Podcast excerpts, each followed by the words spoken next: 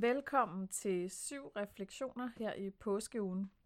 I dag der er det den hellige mandag, og vi skal læse sammen fra Markus evangeliet kapitel 11, vers 12-23.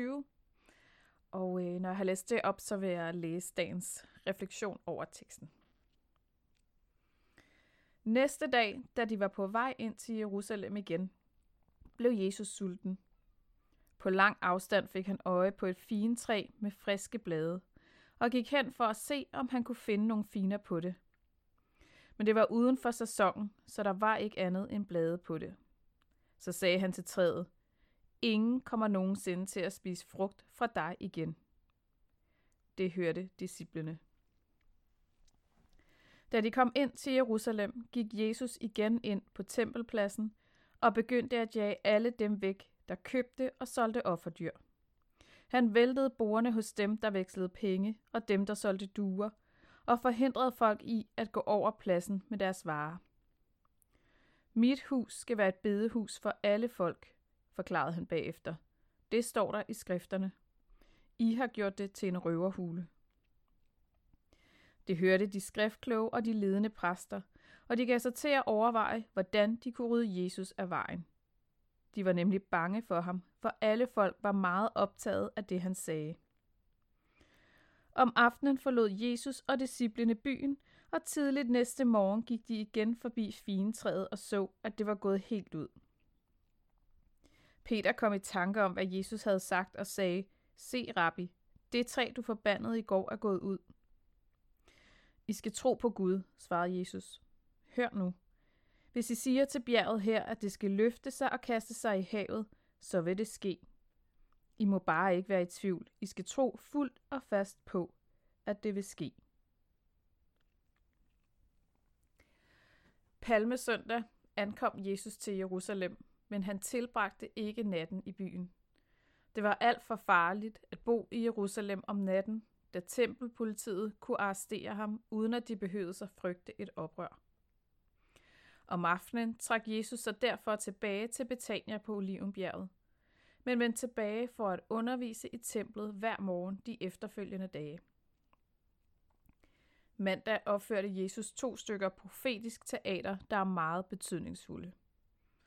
Mens han gik ned af Olivenbjerget fra Betania på vej mod templet, stoppede han for at lede efter frugt på et fint træ.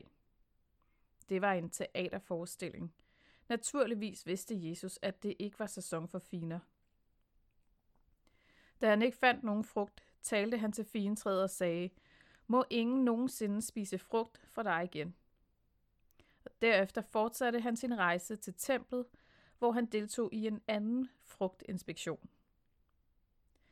De hebraiske profeter kaldte altid Israel til at bære frugt i form af troskab og retfærdighed. Men Jesus fandt ikke denne frugt. Derfor iscenesatte han en endnu mere dramatisk forestilling af det profetiske teater. Jesus lavede en pisk og drev offerforne ud fra tempelpladsen, væltede pengevekslernes borer og duesælgernes boder og råbte, Mit hus skal kaldes et bedehus for alle nationer, men I har gjort det til en røverhule. Jesus er højdepunktet af den hebraiske profetiske tradition. Det, der traditionelt kaldes templets renselse, var slet ikke en renselse, men en profetisk fordømmelse og en symbolsk ødelæggelse af templet.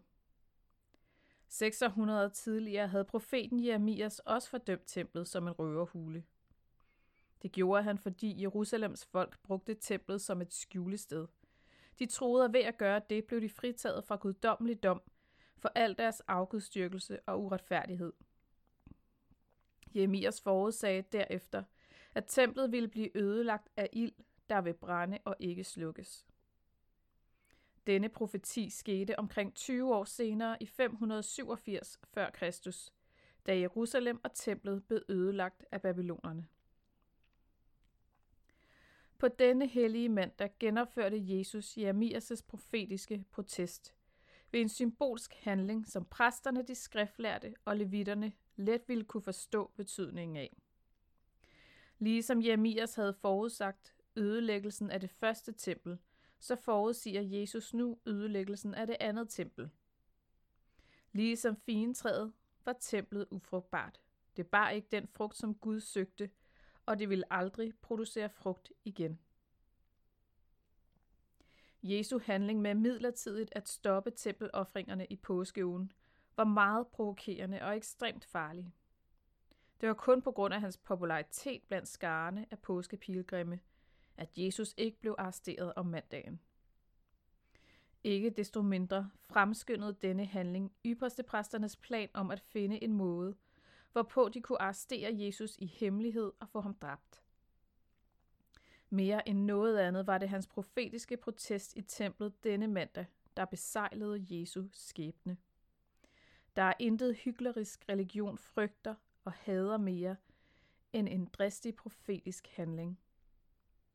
Denne form for hykleri er religion, når det er værst. Herre Jesus, du er den største af alle profeterne. Vi beder om, at vi kan få noget til at høre og handle på det profetiske ord, du ville tale til os i disse sidste dage af fasten. Amen.